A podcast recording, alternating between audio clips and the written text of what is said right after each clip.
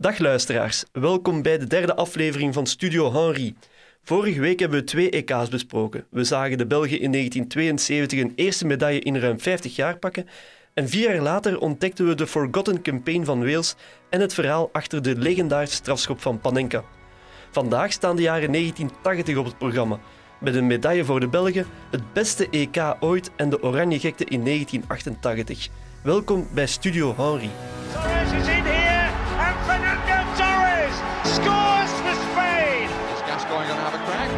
Is, you know. Oh, I say! Brilliant!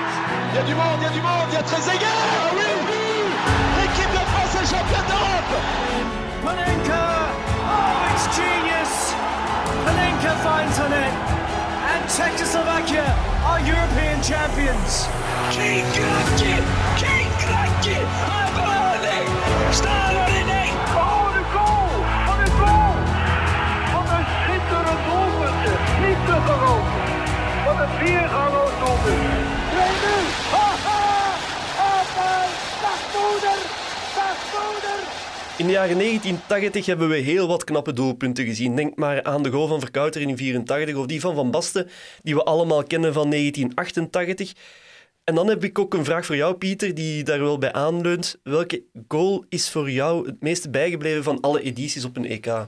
Wel, voor mij een, een doelpunt, de beleving bij een doelpunt is enorm belangrijk. We hebben in de aanloop van, eh, van deze podcast heel veel doelpunten opnieuw opgezocht.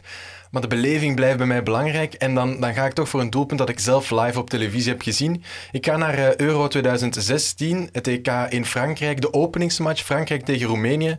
Heel veel druk op de ketel voor Frankrijk. Een vol Stade de France. Frankrijk komt daar op voorsprong. 1-0 via Giroud. Er wordt gelijk gemaakt door de Roemenen. Stanku maakt de 1-1. En we gaan eigenlijk richting een 1-1. En er is al wat gemor op de tribunes. En dan is er het moment van Dimitri Payet. In minuut 88 vindt hij tussen vier Roemenen een klein beetje ruimte om te trappen. Hij zet er zijn linker tegen en die bal die verdwijnt fabelachtig in de verste winkelaak. De manier waarop Payet die bal raakt, dat is fenomenaal. Hij springt daar nog even omhoog, zo. Hij, hij geeft alles in die bal. Ja, inderdaad. Ofwel plaats je zo'n bal in de, in de winkelaak, ofwel geef je daar echt een, streep op. Maar het is iets tussen de twee. Er zit heel veel kracht achter, maar ook heel veel finesse en preci- precisie. Het is echt geweldig hoe hij de bal raakt. En dan nog eens het moment waarop, 88e minuut, een vol Stade de France in eigen land, je, je, je ploeg, je land, toch nog op voorsprong brengen en een, richting een feilloze start gaan. Het is, het is echt fantastisch doelpunt van eh, Dimitri Payet. Dus dat is voor mij het doelpunt dat mij het meest is bijgebleven van alle EK-doelpunten. En bij, jou, Gert? Ik heb er even over moeten nadenken. Ik had eh, drie grote kanshebbers eigenlijk. Ik moet ook al gaan kijken naar de, naar de meest recente EK's natuurlijk, om, om zelf ook die beleving een beetje te voelen.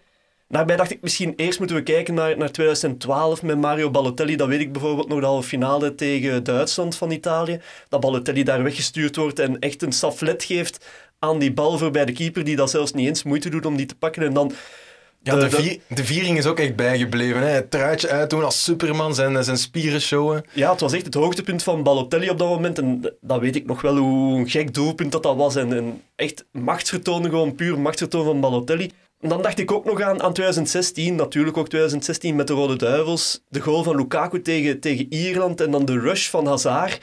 Dat echt een ongelofelijke rush is. Hij gaat zelfs achter de lijnrechter in zijn rush. Het is, het is een fantastische, fantastische actie van Hazard. Ja, hij loopt daar echt van, van op de eigen helft, van helemaal aan het strafschopgebied, loopt hij gewoon in één ruk door naar, naar, de, naar de andere kant. Dan ja, moet Lukaku hem eigenlijk maar gewoon nog maar binnentikken. Hij doet dat ook nog natuurlijk heel goed. Een heel mooi doelpunt. Maar het doelpunt dat mij uiteindelijk het meest is bijgebleven, is het doelpunt eh, van Nainggolan in de kwartfinale tegen Wales. Ja, natuurlijk een beetje een boematch. Maar die eerste goal van Nainggolan in de dertiende minuut, dat hij daar op, op 30 meter afstand ongeveer echt ook een streep geeft. Ik heb iets met strepen, bij, bij harde doelpunten. Ja, echt van zo ver, er stond ook niemand rondom hem, dat zo hard die bal in doel echt schiet. Ja, we waren toch allemaal zeker op het moment dat we de halve finale gingen winnen van Wales. Dat was echt het mooiste doelpunt voor mij aller tijden op een EK. Misschien dat ik zelf heb meegemaakt van Nainggolan. Dus Nou, ik sprong ook echt recht uit mijn zetel. En het is zoals je zegt, je had op dat moment het gevoel...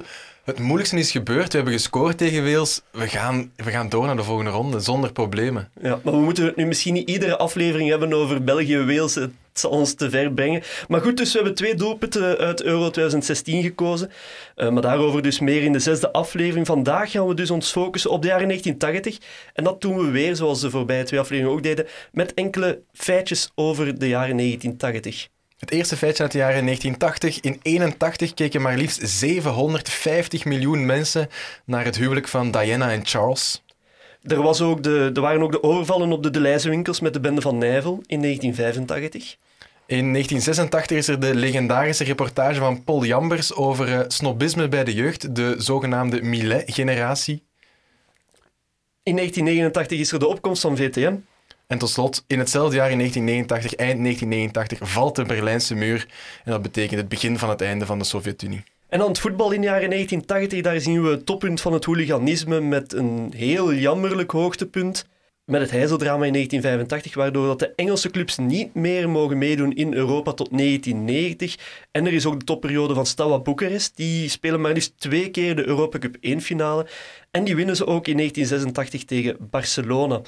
En in België is er het wonderjaar van eh, SK Bever, dat in 1984 de titel wint. En ook de gouden generatie van Mechelaars, eind jaren 1980, die de Europa Cup 2 zelfs weten te winnen in 1988 en kampioen worden in 1989. De generatie met Lijk Kleisters, Piet Boer, Michel Prudhomme, een uh, fantastische generatie van uh, eh, KV Mechelen. Maar terug naar het EK. We gaan naar het EK 1980. En ja, Gert, het is een totaal ander EK dan we de voorbije EK's hebben gezien. Klopt, want de voorbije EK's waren absoluut geen hoogvliegers, waren amper toeschouwers, waren amper kijkcijfers. Of laten we toch zeggen, bij die toeschouwers, er was geen internationaal publiek. Iedereen kwam kijken voor de eigen nationale ploeg. In 1964 kwam Spanje kijken voor Spanje, in 1968 kwam Italië kijken voor Italië en zo verder en zo voort. Maar in 1976 was er wel een groot succes. Veel mensen keken en er was ook die Panenka waar ook nog eens over nagepraat werd. Dus het was, de jaren daarna werd er nog veel gepraat over het EK 1976. Dus dachten ze bij de UEFA, we gaan dat iets wat populairder proberen te maken. Er was al langer de vraag om acht landen te laten deelnemen aan het eindtoernooi. Dat komt er nu ook. Acht landen mogen meedoen en dan gaan ze zo van vier naar veertien wedstrijden op het eindtoernooi. Er zijn ook niet langer knock-out uh, wedstrijden in de kwalificatie. Dus niet meer een kwartfinale vooraleer je naar de eindronde mag gaan. Nu zijn het gewoon zeven groepswinnaars die door mogen naar het EK. En dan hoor ik u ook al zeggen, zeven groepswinnaars, dan gaan we toch niet met acht ploegen komen. Nee, want het gastland uh, kwalificeert zich automatisch voor de allereerste keer. En dat is in 1980 dan de beurt aan Italië. En hoe ziet dan die eindronde eruit met die uh, acht landen? Er zijn twee groepen uh, telkens van uh, vier landen, waarin dat de winnaars naar de finale gaan en de nummers twee naar de troostfinale. Er zijn dus geen halve finales op het EK 1980. Dat is ook wel bizar. Het is meteen alles of niks in die, in die groepsfase. Je, je kan niet meer het toernooi winnen als je maar tweede wordt in die groepsfase. Je moet de groep winnen. En de Belgen die zijn er opnieuw bij in 1980. Hoe zijn die uh, kwalificaties precies verlopen? Ja, we weten uit vorige aflevering al dat er nooit echt heel veel enthousiasme is geweest rond de, rond de Belgen, sowieso niet. En het verloopt op dit moment ook sportief wat moeilijker. We zijn er niet bij op de WK's in 74 en 78. We waren er niet bij op het EK in 1976. Eh, Gijs, die ondertussen bondscoach is, is volop aan een nieuwe ploeg aan het bouwen en pakt voorlopig uh, geen resultaten. We struikelen in 76 voor die kwalificaties voor het EK over Nederland. Dat doen we nogmaals in uh, eh, 1978 voor uh, de kwalificaties voor het WK. Maar in 80 of voor het EK van 1980 hebben we eigenlijk een groep die op papier haalbaar moet zijn. Met Oostenrijk, met Schotland, met Portugal en met uh, Noorwegen. Oostenrijk en Schotland waren er wel nog bij op het WK 1978. Het Oostenrijk van Hans Krankel, naam die we vorige aflevering al hebben vernoemd. België en Portugal waren er niet bij op het eh, e- WK 1978, maar kan je wel ongeveer op, dezelfde, op hetzelfde niveau plaatsen. En Noorwegen, dat was in principe het zwakkere broertje. Maar toch loopt het mis tegen Noorwegen in de eerste wedstrijd. Want in de eerste wedstrijd in België tegen Noorwegen spelen we 1-1 gelijk een dramatische start eigenlijk voor de Belgen. En zo gaat het eigenlijk gewoon door in die kwalificaties. Er is minder geloof in de Belgen, zeker ook nog eens na een 1-1 tegen Portugal en nog eens een 1-1 tegen Oostenrijk. En dan blijven doorgaan met de gelijkspelen, want ook in Oostenrijk spelen we 0-0 gelijk. Vier gelijkspelen na elkaar, dat betekent vier punten. Nog niet het grootste probleem, want je kreeg maar twee punten voor een overwinning. Dus 4 op 8 valt dan nog wel mee. Het is nog wel haalbaar om, om door te gaan in de groep. En na die vier gelijkspelen op een rij komt er dan eindelijk een overwinning. En wel tegen Noorwegen, toch een klein beetje vraag kunnen nemen, maar werd eigenlijk wel gewoon verwacht. Maar het was nog altijd niet tenderend. We winnen maar met 1-2. En het was op dat moment duidelijk, we missen scorend vermogen. We hebben geen goede spits van voor. Tegen Oostenrijk zien we bijvoorbeeld hè, dat de spitsen nog Jean Janssens waren en Charlie Jacobs. Dat waren twee mannen die al 35 waren en nauwelijks interlandervaring hadden. Die Janssens die was nog wel de gouden schoen in 1979, maar had maar vier interlands op zijn naam voordat de campagne begon en had zelfs nog geen enkele goal gescoord. En die Jacobs die kwam tegen Oostenrijk zelfs nog maar aan zijn eerste interland toe. Twee jongens met voldoende leeftijd, maar met weinig caps, met weinig internationale ervaring. En dat misten we toen echt wel. Hè. Er waren wel al wat nieuwe jongens die, die in de ploeg kwamen. Denk aan uh, Jan Keulemans, die stilaan uh, kwam piepen. Ook uh, Raymond Mommens, Eddie Voordekkers en Erwin van den Berg, die kwamen, er, kwamen erbij. Een ploeg die trouwens in 77 nog Europees kampioen was, bij de, of werd bij de junioren. Dus er is wel een nieuwe lichting maar die zorgt niet meteen voor heel veel uh, scorend vermogen. En dus hebben we misschien nog wel iemand anders nodig die ons kan helpen. Inderdaad, die Erwin van den Berg die zou later nog wel de grote topschutter uh, worden of de grote goaltjesdief. Maar op dat moment was er dus niemand. En de media die vroegen achter Wilfried van Moer. Ja, de media, je mag dat letterlijk nemen dat ze erachter vroegen, want zowel Jan Wouters, legendarische radiostem, als Rick de Sadeleer, commentator op televisie, die claimen allebei het was ons idee om uh, Van Moer terug te halen bij de nationale ploeg. Maar dat ging niet zo eenvoudig voor Guy Thijs om Van Moer zomaar te overtuigen. Nee, Wilfried van Moer al ten eerste was al 34 jaar oud. En hij had natuurlijk wel de ervaring in de klasse, had al 39 interlands en heel veel doelpunten. Maar die zat ondertussen wel in de tweede klasse bij Beringen te spelen. In de tweede klasse. Dat is niet zo hoog. En die, ja, die was niet echt meteen warm voor de Rode Duivels. Thijs moest drie keer gaan vragen aan Wilfried van Moer om, te, om terug te keren. En wanneer dat hij er dan uiteindelijk toch bij kwam, bleek dat een groot succes. Want we wonnen tegen Portugal en Schotland telkens met 2-0. In de eerste wedstrijd tegen Portugal scoorde Van Moer ook nog eens. Dus ja, het begon terug te komen. Nog een andere naam die ik uh, erbij kwijt wil in die kwalificaties, uh, François Wat van der Helst. Die scoort ook twee keer in die wedstrijden tegen Portugal en uh, Schotland.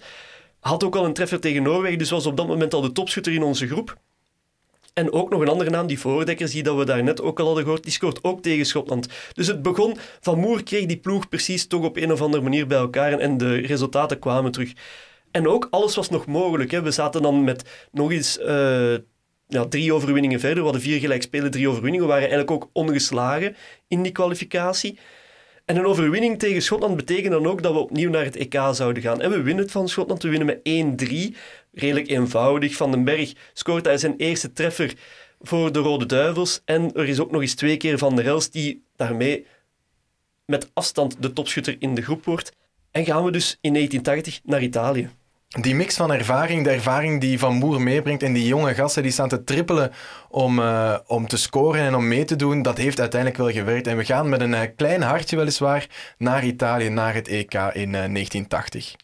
Dat EK in Italië trouwens in 1980, dat moet het grote EK worden voor de UEFA. Na al die tegenvallende EK's en dan een meevaller in 1976 moet het EK in 1980 de grote treffer worden. De doorstart. De doorstart, echt nu moet het groot worden. Daar, Italië is daar ook enorm mee bezig. Hè. Daar hebben ze enorm veel hoop in dat het een goed EK wordt. Ze zetten er een hele marketing achter. Maar het toernooi valt echt enorm tegen. Het is misschien wel het saaiste EK dat er ooit is geweest met nauwelijks interesse bij de Italianen, nauwelijks bezoekers en zelfs nauwelijks doelpunten. Nu, dat er amper bezoekers zijn, dat was al eerder het probleem op EK's. Nu ook, de Italianen die waren er voornamelijk voor de eigen nationale ploeg, maar neutrale toeschouwers die waren er niet. In de eerste wedstrijd bijvoorbeeld tussen West-Duitsland en Tsjechoslowakije waren er maar 11.000 fans en dat was nogthans de eruitgave van de finale in 1976, met ook nog eens Antonin Panenka tussen de lijnen dat zou toch een wedstrijd moeten zijn die dan wel gezien zou moeten kunnen worden, waar dan veel mensen op af zouden moeten komen. Maar dat was één grote oorzaak voor. De Italianen hadden hun buik een beetje vol van het uh, voetbal met het Toto Nero-schandaal, net voor het EK. Wat is dat precies, het Toto Nero-schandaal? Het was een omkoopschandaal in 1980 bij Italiaanse clubs in de Serie A en B. Maar liefst 13 ploegen waren erbij betrokken, met onder meer ook Lazio, AC Milan, Juventus en Napoli.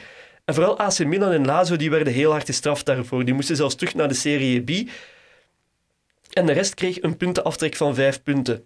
Nu, niet enkel de clubs werden gestraft natuurlijk, heel veel spelers werden, waren ook betrokken in het hele omkoopschandaal. Die kregen ook zware straffen. De zwaarste straf bij de spelers was bijvoorbeeld voor ene Stefano Pellegrini van eh, Avellino. Die kreeg zes jaar schorsing. En ook de voorzitter van AC Milan, Felice Colombo, die moest aftreden.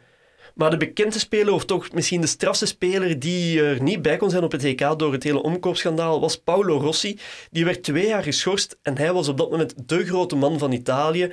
Hij zou ook later nog Italië twee jaar later naar de wereldbeker eh, brengen, naar de wereldbeker eindwinst in, 1904, in 1982. Sorry. Dus Italië was een beetje gedeguteerd en had dus weinig interesse in ook nog andere wedstrijden. Laten we het maar gewoon bij Italië houden. Dus heel jammer allemaal.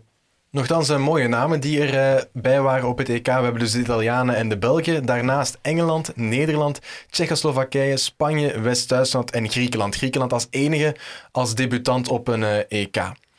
We hadden al gezegd, er is weinig interesse voor uh, neutrale toeschouwers in Italië, maar er is ook weinig interesse voor Belgen die meereizen met de Rode Duivels naar Italië. Er zijn slechts tien supporters die meekomen. Daarbij waren er ouders van uh, Mille Kamps, die waren erbij, en nog een man die een wedstrijd had gewonnen, waardoor hij mee nog naar het EK. En in totaal komen zo aan uh, tien mensen. Dat is ja, niet meteen een spektakel.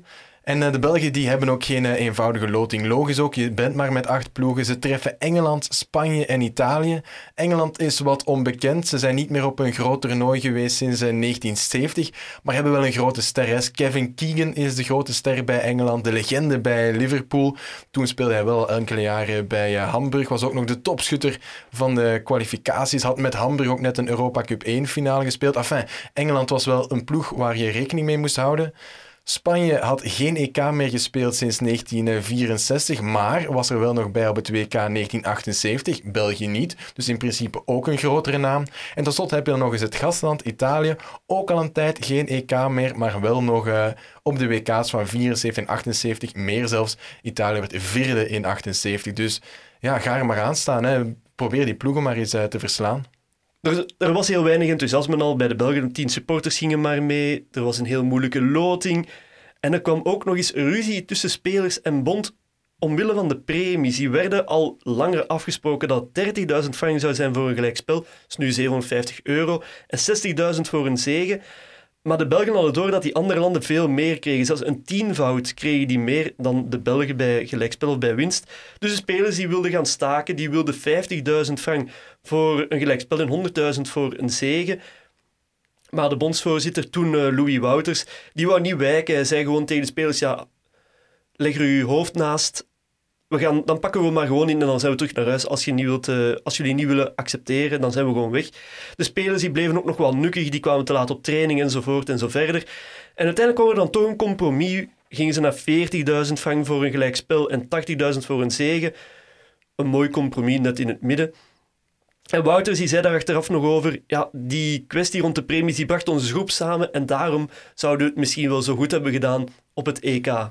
Ja, dat kan misschien inderdaad wel zijn dat de groep wordt samengebracht, want je hebt een gemeenschappelijke vijand, Louis Wouters dan, of de bond. Maar dat kan toch niet ideaal zijn om een wedstrijd voor te bereiden als je nog uh, moet gaan discussiëren met de bondsvoorzitter. In ieder geval, ze moeten hun eerste wedstrijd spelen tegen Engeland in Turijn. 16.000 toeschouwers zitten er maar in het stadion, maar die stonden wel alle 16.000 achter België.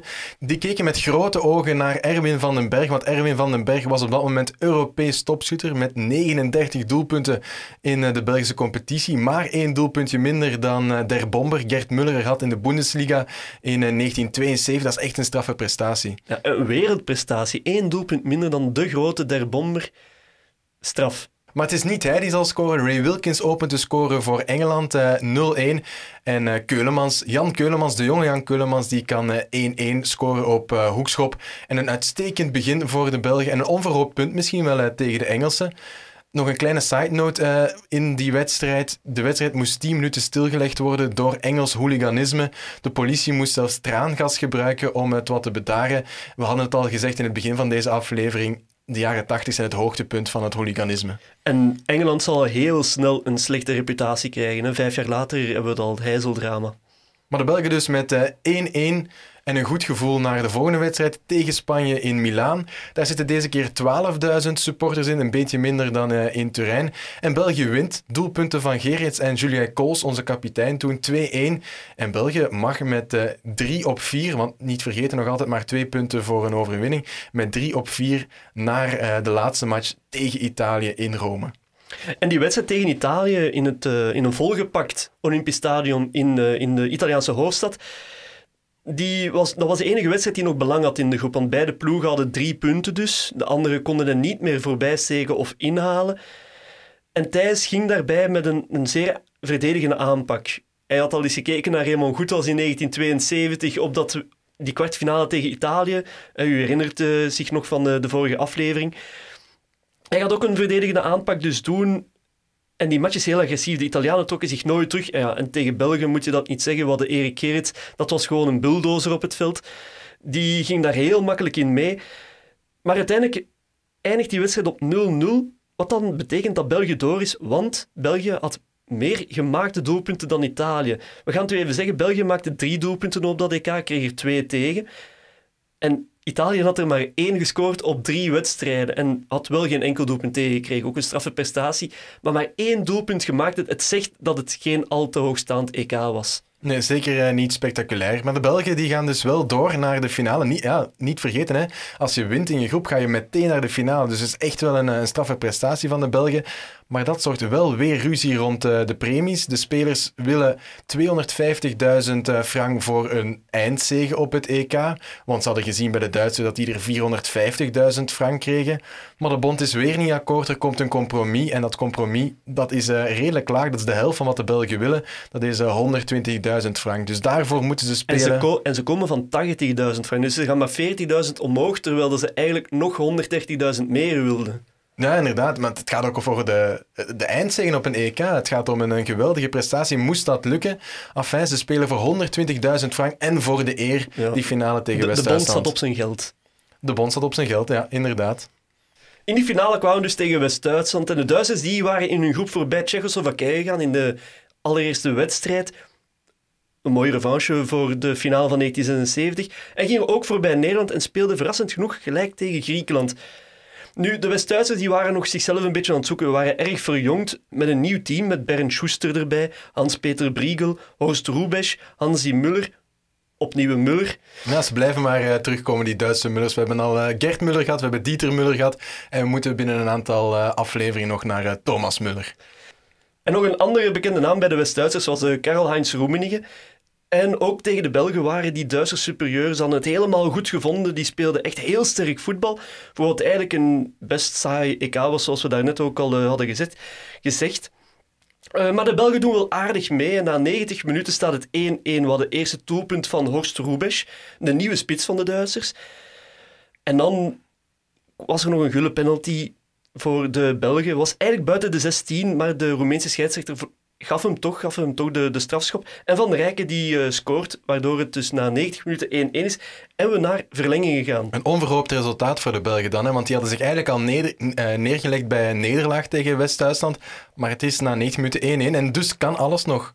Alles kan nog. Die Belgen zijn ook beter tijdens de verlengingen. Maar dan is er opnieuw Horst Rubesch die de 2-1 scoort voor West-Duitsland. En waardoor West-Duitsland toch uiteindelijk uh, Europees kampioen wordt.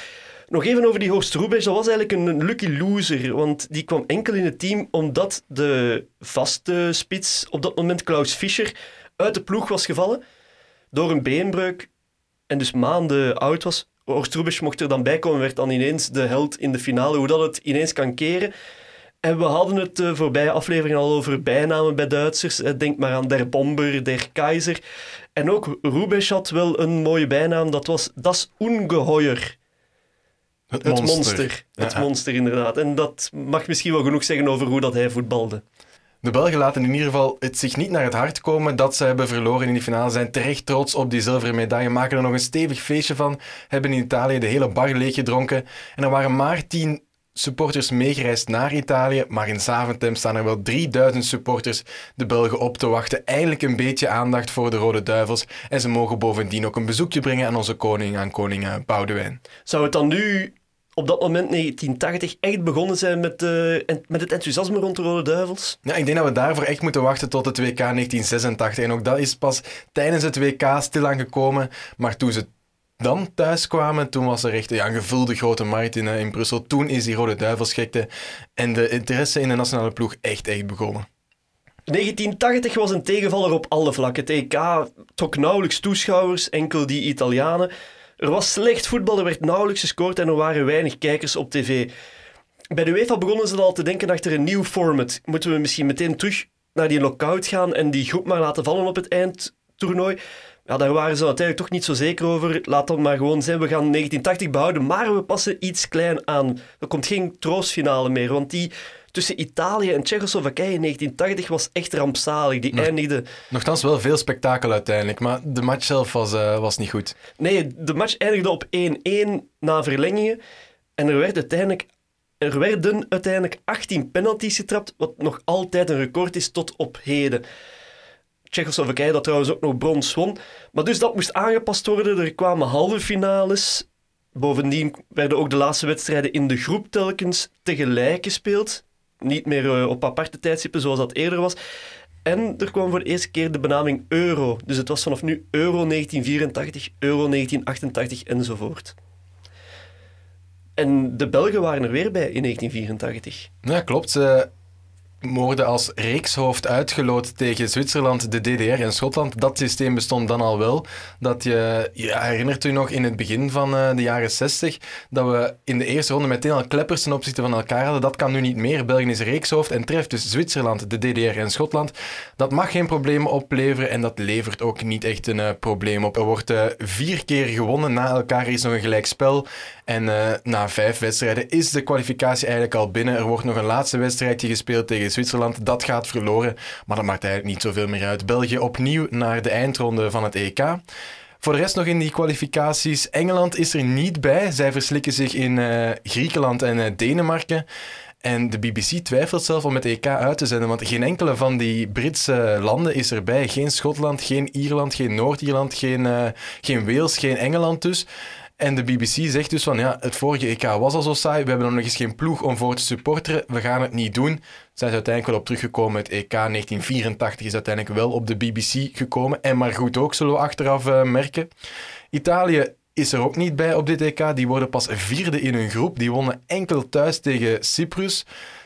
Dat is de enige overwinning. Dus niet winnen tegen Roemenië, niet winnen tegen Zweden en Tsjechoslowakije. Dat is echt dramatisch. Nochtans de wereldkampioen van 1984. Roemenië met Laszlo Belöni en een jonge George Hadji, die gaan wel door naar eh, de eindronde. En ook West-Duitsland is er nog bij. Zij gaan eh, op het nippertje eh, maar door. Ze verliezen tweemaal tegen Noord-Ierland in hun eh, groep, maar uiteindelijk door het doelpunten saldo wel nog op het eindronde van het EK. En het gekste verhaal van die hele kwalificatie vinden we eigenlijk pas in Spanje en Nederland. Spanje moet op de laatste speeldag winnen met 11 doelpunten verschil om, eh, om door te gaan.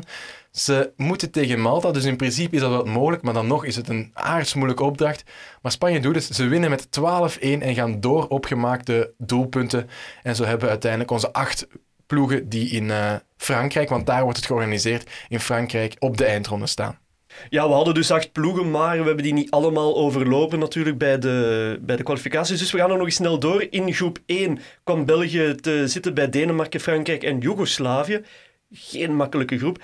En in groep 2, daar ging het tussen Portugal, Roemenië, Spanje en West-Duitsland. Maar we gaan het meer hebben natuurlijk over die Belgen. De Belgen die ook werden opgeschud net voor het EK met het uh, omkoopschandaal van Standaard Waterschei.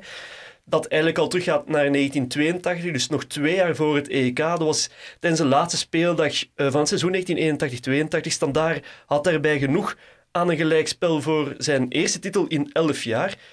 En de coach van Standaard op dat moment, Raymond Goethals, die we ook nog kennen, die wou op zeker spelen. En zei tegen de standaardspelers, ja, geef die winstpremie gewoon, geef jullie winstpremie maar gewoon aan Waterschei. Was zo'n 30.000 frank. En dat weten we nog, dat is 750 euro ongeveer. En heel dat omkoopschandaal kwam dan een paar maanden voor het EK uit. En dat betekende ja, wel een drama voor de nationale ploeg, want heel veel duivels werden maanden geschorst. Denk daarbij maar aan Erik Gerrits, die ondertussen al bij AC Milan speelde. Michel Perdom, Walter Meeuws, Gerard Plessers, jo Jos Daarde, Guy van der Smissen. die waren er allemaal niet bij. Wat dat eigenlijk betekent dat heel de achterlinie van de Rode Duivels ineens weg was. Moest helemaal heruitgevonden worden. En toch begonnen de Belgen heel goed aan het toernooi. Ze wonnen meteen van Joegoslavië. Dat was dan ook eigenlijk wel de match die ze moesten winnen om nog kans te maken. Want Frankrijk en Denemarken, dat kon nog wel eens heel tricky worden. In de tweede wedstrijd kwamen ze dan tegen Frankrijk uit. Ja, dat, dat Frankrijk op dat moment was een geniaal team onder leiding van Michel Platini. Maar het was niet enkel Michel Platini. Het middenveld van Frankrijk werd het magische vierkant genoemd. Met Alain Giresse, Jean Tigana en Luis Fernandez aan de zijde van de grote Michel Platini. En die waren eigenlijk gewoon overal goed. Ook in het doel zat een goede doelman. In de verdediging waren ze heel sterk. Maar van voor, daar hadden ze niet meteen het scorend vermogen. Eigenlijk moest van voor alles komen van Michel Platini. En ze hadden ook in de eerste wedstrijd hun handen vol met Denemarken. Er werd moeilijk gescoord. Met dan uiteindelijk nog een doelpunt van Michel Platini. 1-0. Oef voor de Fransen. Maar toch een twijfelende start. Maar een zeer twijfelende start. Maar ja, al die twijfels werden meteen weggedaan. Hè. Er werd orde op zaken gesteld in de tweede wedstrijd, die dan tegen de Belgen was. Jammer genoeg voor de Belgen. Ja, ontbond, de, ontbond Michel Platini zijn duivels een hattrick tegen de Belgen. 5-0 uiteindelijk verloren de Belgen. Ja, dat was toch wel een, uh, harde, een harde wedstrijd. Maar geen man overboord voor uh, de Belgen, want ze kunnen zich nog altijd plaatsen voor de halve finale. Er zijn nu twee landen per groep die zich kunnen plaatsen voor de halve finale. En België doet nog mee voor die tweede plaats. Maar dan moeten ze wel winnen tegen Denemarken. Het is uh, Europa of eronder. Denemarken heeft genoeg aan een gelijk spel tegen België. Want zij uh, wonnen al 5-0 tegen Joegoslavië. Dus ze hebben een beter doelpuntensaldo dan de Belgen. En winnen van Denemarken, dat is absoluut geen sinecure. Want de Denen beschikten in die periode over een fantastische, ultra-aanvallende cultploeg in de jaren 80. Het was een, uh, een ploeg met geweldige spelers. Heel veel van die spelers speelden ook in uh, België. Denk aan Jens Bertelsen bij Serijn, Søren Busk bij Gent, Morten Olsen en Frank Arnesen bij Anderlecht. Ook Kenneth Brille speelde bij Anderlecht. Dan heb je nog Prebe Larsen bij Lokeren. En buiten die weelde die ze hadden in België, had er ook nog eens Michael Laudrup bij, speelde bij Lazio, Søren Lerby bij Bayern, Jesper Olsen bij Ajax. Enfin, het zat daar vol met goede spelers. Een groep die regelmatig werd vergeleken met het Nederland uit de jaren 1970, totaalvoetbal. Het is echt een, een, geweldige ploeg. Maar het is wel een wonder dat Denemarken zo'n ploeg had, want daarvoor was het geen vette, om het uh, zo met een goede Vlaamse uitdrukking te zeggen. Professioneel voetbal bestond pas in Denemarken vanaf 1978. Dat is heel erg laat en ook de nationale ploeg deed het in de jaren daarvoor niet echt uh, fantastisch. Ze zijn er wel bij op het EK 1964, maar als je dan kijkt wie dat ze in de kwalificatie tegenkwamen, ze hebben bijzonder veel geluk gehad. Ze hebben moeten spelen tegen Malta, Albanië en Luxemburg, wel die gouden generatie Luxemburgers. Ze hadden drie wedstrijden nodig om die Luxemburgers uit te schakelen, maar dan nog spreek je wel over een voetbaldwerg als je spreekt over eh, Luxemburg.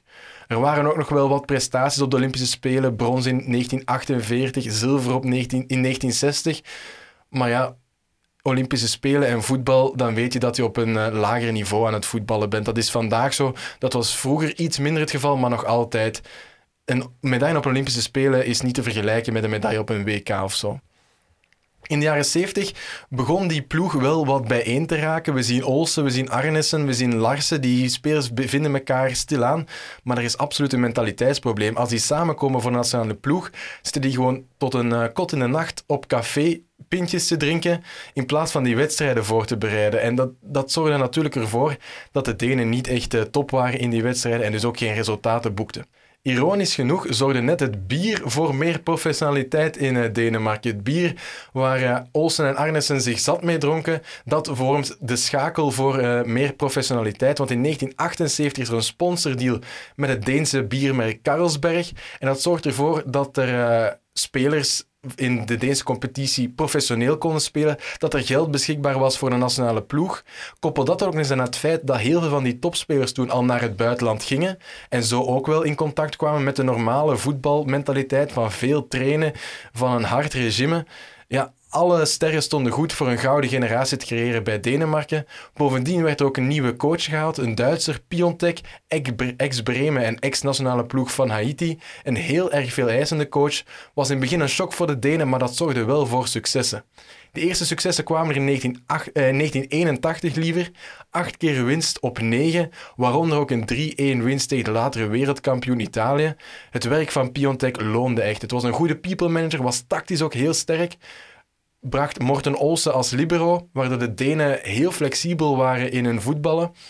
Er was niet echt een vast systeem. De Denen kenden hun taken en konden die taken invullen zoals het moest, zoals ze zelf wilden. Denk maar een beetje aan het voetbal dat Philippe Clement vandaag brengt met de Club Brugge. Heel veel switchen van uh, formatie, maar iedereen weet wel perfect wat, uh, wat hij moest doen. En Piontek noemde dat het contrasysteem. Het was een, uh, een, een, soort voetbal dat werd... Uh, balbezit was heilig. Er waren geweldige dribbelaars bij. En dat zorgde voor uh, enorm veel populariteit wereldwijd. Maar ook bij de Denen. Want de Denen waren niet gewoon een nationale ploeg die prestaties leverde. Dus die dachten, ja, alles wat dat ze goed doen... Morten Olsen moest maar zijn veters binden. En er stonden al 10.000 Denen te juichen. Zo zo was de situatie in de jaren 80. Dat zorgde ook voor dat er maar liefst 16.000 Denen afzakten naar Frankrijk om hun ploeg aan te moedigen op dat EK. Mede ook door het succes in de kwalificatie. Denemarken versloeg Engeland twee keer. Enfin, alles was in, orde voor die Denen om te gaan schitteren op het uh, EK. Heel opmerkelijk bij die Denen, zoals je daarnet ook zei, speelden 14 van de 20 spelers die meegingen naar het EK 1984 speelden in het buitenland dat was eigenlijk op dat moment redelijk vreemd in internationaal voetbal. Want België bijvoorbeeld kende er maar twee of drie. Frankrijk geen enkele. Engeland, iedereen speelde in Engeland bijvoorbeeld. En ga zo maar door, zelfs Roemenië speelde iedereen bij Steaua Boekarest bij wijze van spreken. Dus het was heel opmerkelijk dat al die spelers in het buitenland speelden.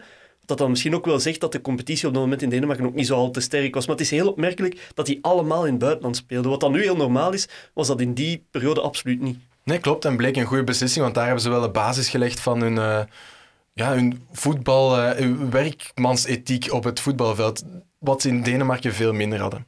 De voorbereiding op dat EK bij Denemarken was dramatisch. Zeven vriendschappelijke wedstrijden, ze scoorden maar drie keer. Verloren 6-0 van Nederland, 4-0 van de DDR. Verloren op het EK zelf ook nog eens hun eerste wedstrijd tegen Frankrijk. Nou, geen grote schande, maar toch, je verliest. Je zit niet al te lekker in je vel. Maar dan komt er een 5-0 zege tegen Joegoslavië. Een spektakelmatch tot en met. Ze zeiden achteraf, het kon 10-7, het kon 12-7 zijn er was van alles mogelijk. Heel veel kansen. En zo moet je de Denen ook onthouden. Het is een ploeg die altijd voor spektakel zorgt. En dat doen ze ook tegen België. België moet dus winnen van Denemarken om naar die halve finale te gaan. België doet wat het moet doen in het begin van de wedstrijd. Komt 2-0 voor. Onder andere de fantastische goal van Frankie Verkouteren. De dagmoeder van Rick de Sadeleer kwam uh, toen op de jullie televisie terecht. Maar de Denen vechten terug. Een strafschop van Arnesen en een kopbal van Brille zorgden voor 2-2. En zes minuten voor tijd is er Pre Belarsen, de spits van Lokeren, die ook een prachtig doelpunt uh, scoort. Hij dribbelt de greef en chipt de bal over Pfaff. De Denen winnen 3-2 en kater voor de Belgen. Maar heel de wereld zit wel te kijken naar een Deense ploeg die fantastisch aanvallend voetbal brengt, die voor spektakel zorgt. En heel de wereld is verkocht aan, uh, aan Denemarken. En België gaat dus niet door. De twee, die, twee ploegen die wel doorgaan zijn Denemarken dus, uh, zoals gezegd. En Frankrijk. Frankrijk die de groepen wint.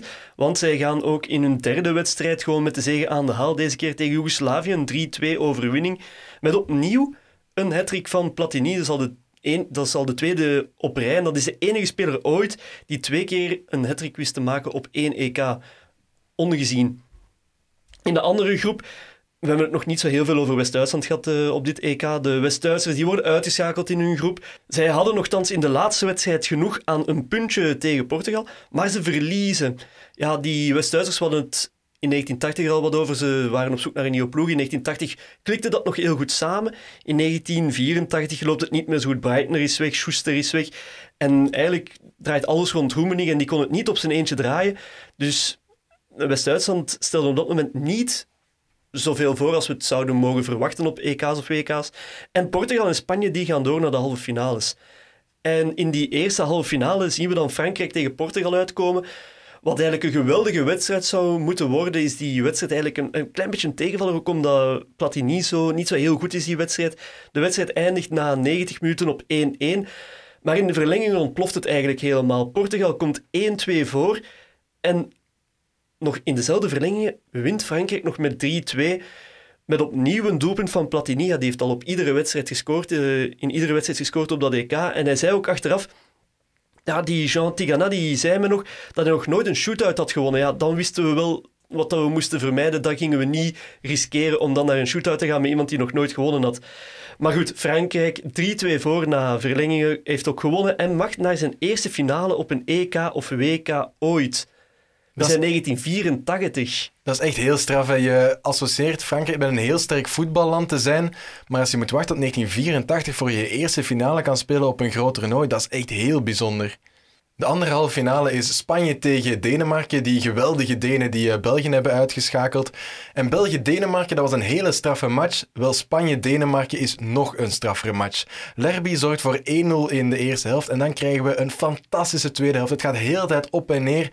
Er zijn overal kansen. Arnesen en Larsen die trappen op de paal. En uiteindelijk is er voor de Spanjaarden Matedas die gelijk maakt. 1-1 na 90 minuten, maar het had evengoed 5-5 of 6-6 kunnen zijn. Het was een spektakelmatch tot en met. In de verlenging blijft het ook nog altijd 1-1. We gaan richting penalties. Larsen mist bij 4-4 en Sarabia scoort. De Denen moeten naar huis. Na, ja, nadat ze aan de wereld, aan Europa hebben getoond dat ze fantastisch kunnen voetballen. Ze gaan dat ook nog wel bewijzen in eh, de jaren daarna.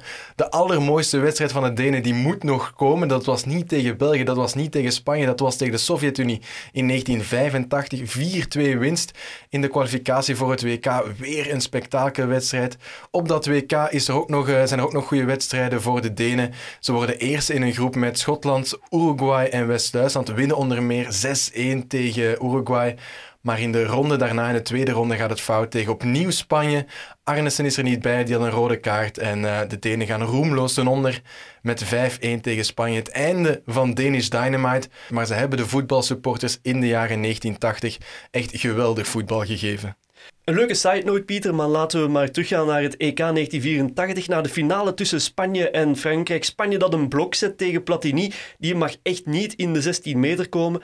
Maar dan doet Platini het gewoon van buiten de 16 met een vrije trap. En dan komt er altijd wat geluk bij kijken in de finale. De, de Spaanse keeper Luis Arconada, die laat de bal onder zijn lichaam glippen.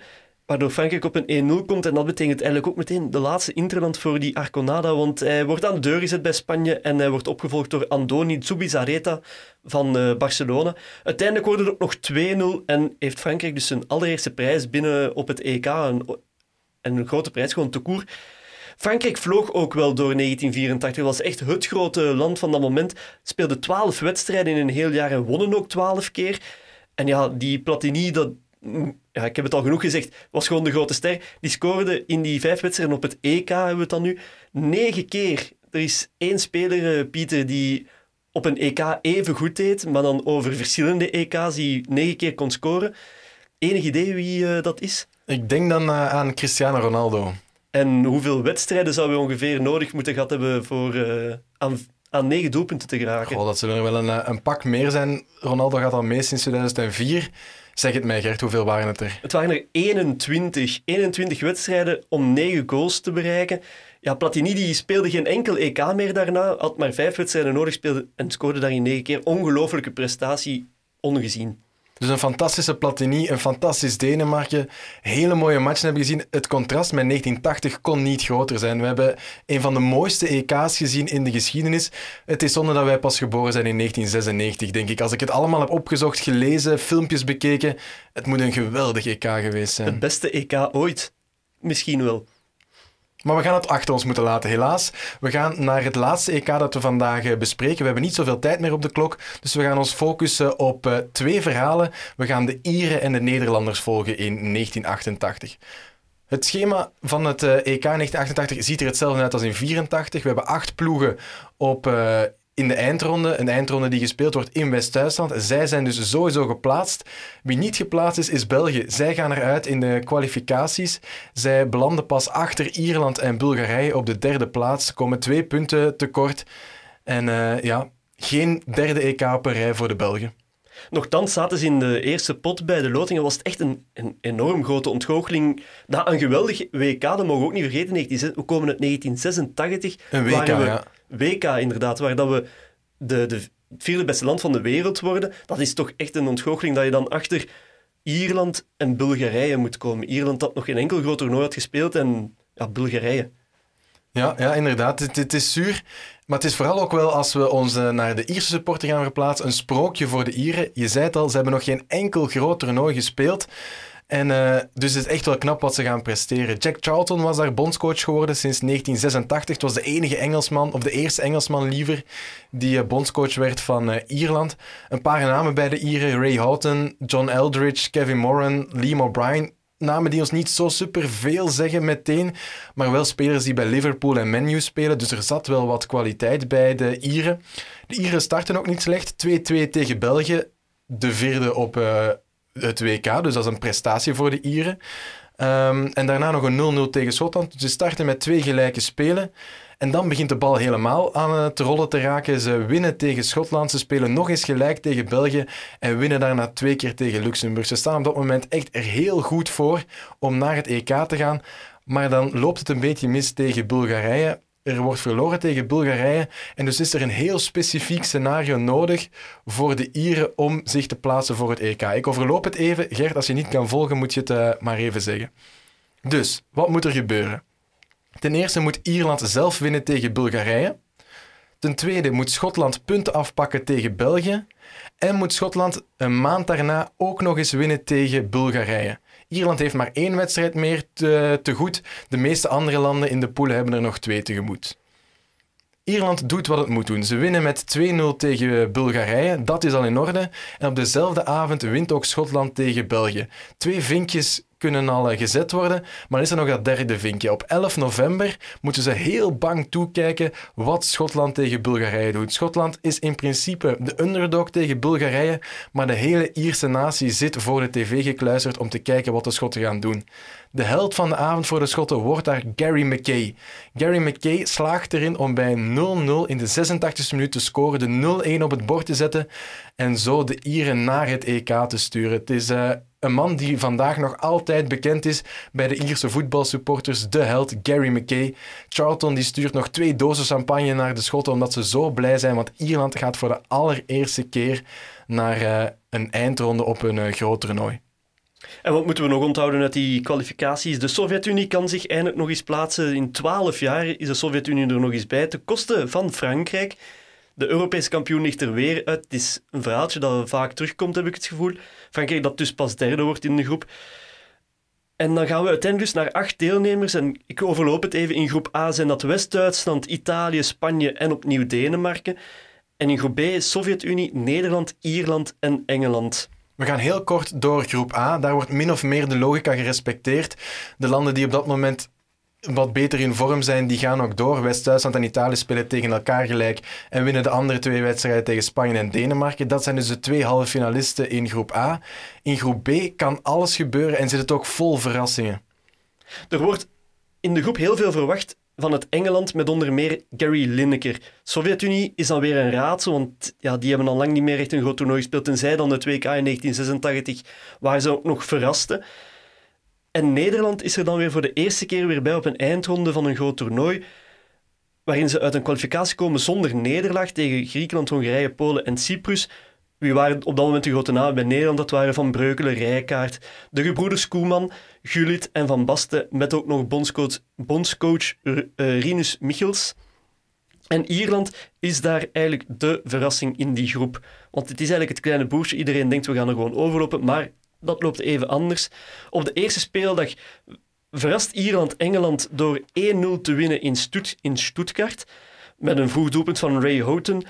Um, en ook nog een, een, wereldprestatie eigenlijk van de keeper van Pecky Bonner, die drie wereldkansen van Gary Lineker nog uit het doel weet te halen. Ondertussen wint de Sovjet-Unie uh, van Nederland met de 0-1. Met Marco van Basten die er nog niet op staat, maar dan uiteindelijk wel invalt omdat hij nog wat geblesseerd was. In de volgende speeldag verrast Ierland ook opnieuw de Sovjet-Unie. Ze winnen wel niet. Het wordt 1-1. En dan op hetzelfde moment wint uh, Nederland ook van Engeland. En daar is de grote omslag bij Nederland. Van Basten komt in de ploeg, Erwin Koeman komt in de ploeg. En met die lijkt precies juist uh, formule te zijn gevonden. En dan begint het te draaien. Het begint meer dan te draaien. Hè. Tegen Engeland winnen ze met 1-3. Er is een hattrick van Van Basten. Van Basten gaat later zeggen over het derde doelpunt dat hij maakte tegen Engeland, dat dat zijn mooiste was op het EK.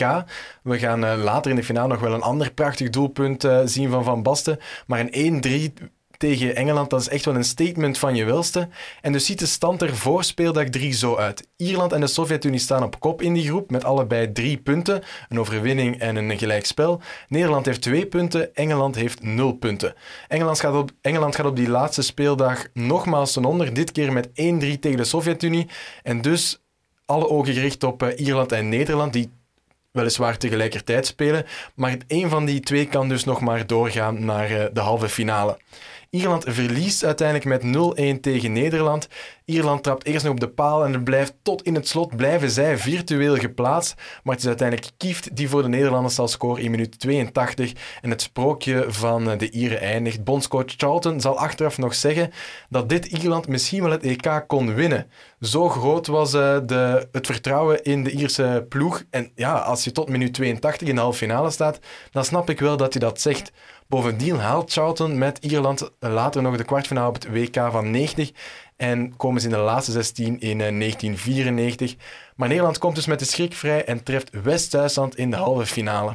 En in die halve finale wil Nederland revanche nemen voor de WK-finale van 1974. Dat is 14 jaar terug. En toen uh, won West-Duitsland nog na een onterechte strafschop. Het is uh, Lothar Matthäus die in de tweede helft opnieuw scoort op een strafschop. Het uh, mag niet zijn voor Nederland. Maar Koeman die komt ook weer op een strafschop, een kwartier voor tijd op 1-1. En Van Basten maakt in de 88ste minuut de 2-1.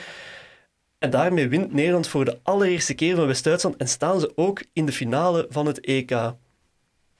In de andere halve finale staan de Sovjet-Unie en Italië tegenover elkaar. Herinner u, 24 jaar geleden, in 1964, stonden die ook al tegenover elkaar in de halve finale. Toen won Italië als underdog met uh, de TOS.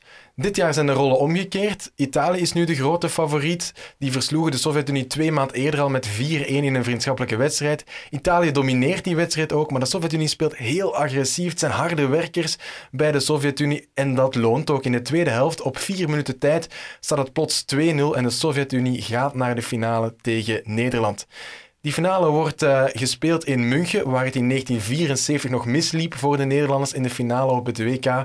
Maar nu gaat het uh, wel lukken. Ze winnen met 2-0 doelpunten zijn er van Gullit. En dan is er dat prachtige doelpunt. Ongelofelijke goal van, uh, van Basten, een wereldgoal. En Nederland wint met 2-0. Er is nog een strafschop voor Belanov voor de Sovjet-Unie, maar hij mist Nederland wint dus met uh, 2-0 en gaat een geweldige feestnacht tegemoet uh, in Nederland. Ze worden feestelijk onthaald de dag daarna. Heel uh, Nederland kleurt oranje. En nog even terug naar Charlton. Het is extra zuur voor de Ieren, hè, want het zijn de twee ploegen die zij troffen in de groepsfase van, uh, van het EK, die de finale hebben gespeeld. Dus inderdaad, Charlton had misschien wel gelijk kunnen hebben. De Ieren hadden kunnen winnen op dat EK. We zijn dus door de jaren 1980 geraakt, deze aflevering, Pieter. We zagen in 1980 de zilveren Belgen, die ijzona misschien zelfs goud hadden kunnen winnen tegen West-Duitsland. Vier jaar later zagen we het beste EK ooit met geweldige Denen en geweldige Fransen. En nog eens vier jaar later zagen we ja, net dat Ierland, jammer genoeg, er al uit lag in de groepsfase, had nog veel meer kunnen doen, maar zagen we ook de Nederlanders hun eerste toernooi binnenhalen. Maar wat gaan we volgende week doen, Pieter? Volgende week duiken we de jaren 1990 in. We gaan naar het EK in 1992 en het bizarre verhaal van de Europese kampioen die zich eigenlijk niet kon kwalificeren. Ik hou het nog een beetje vaag, we drijven de spanning op.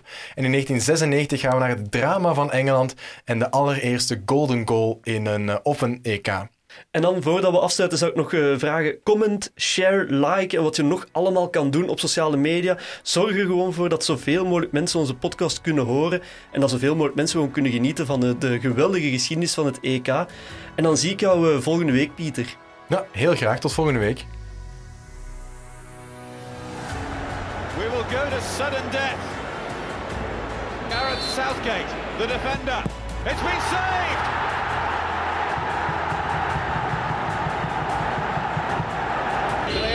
Scores. Germany are through. He has. They are. The host nation are out.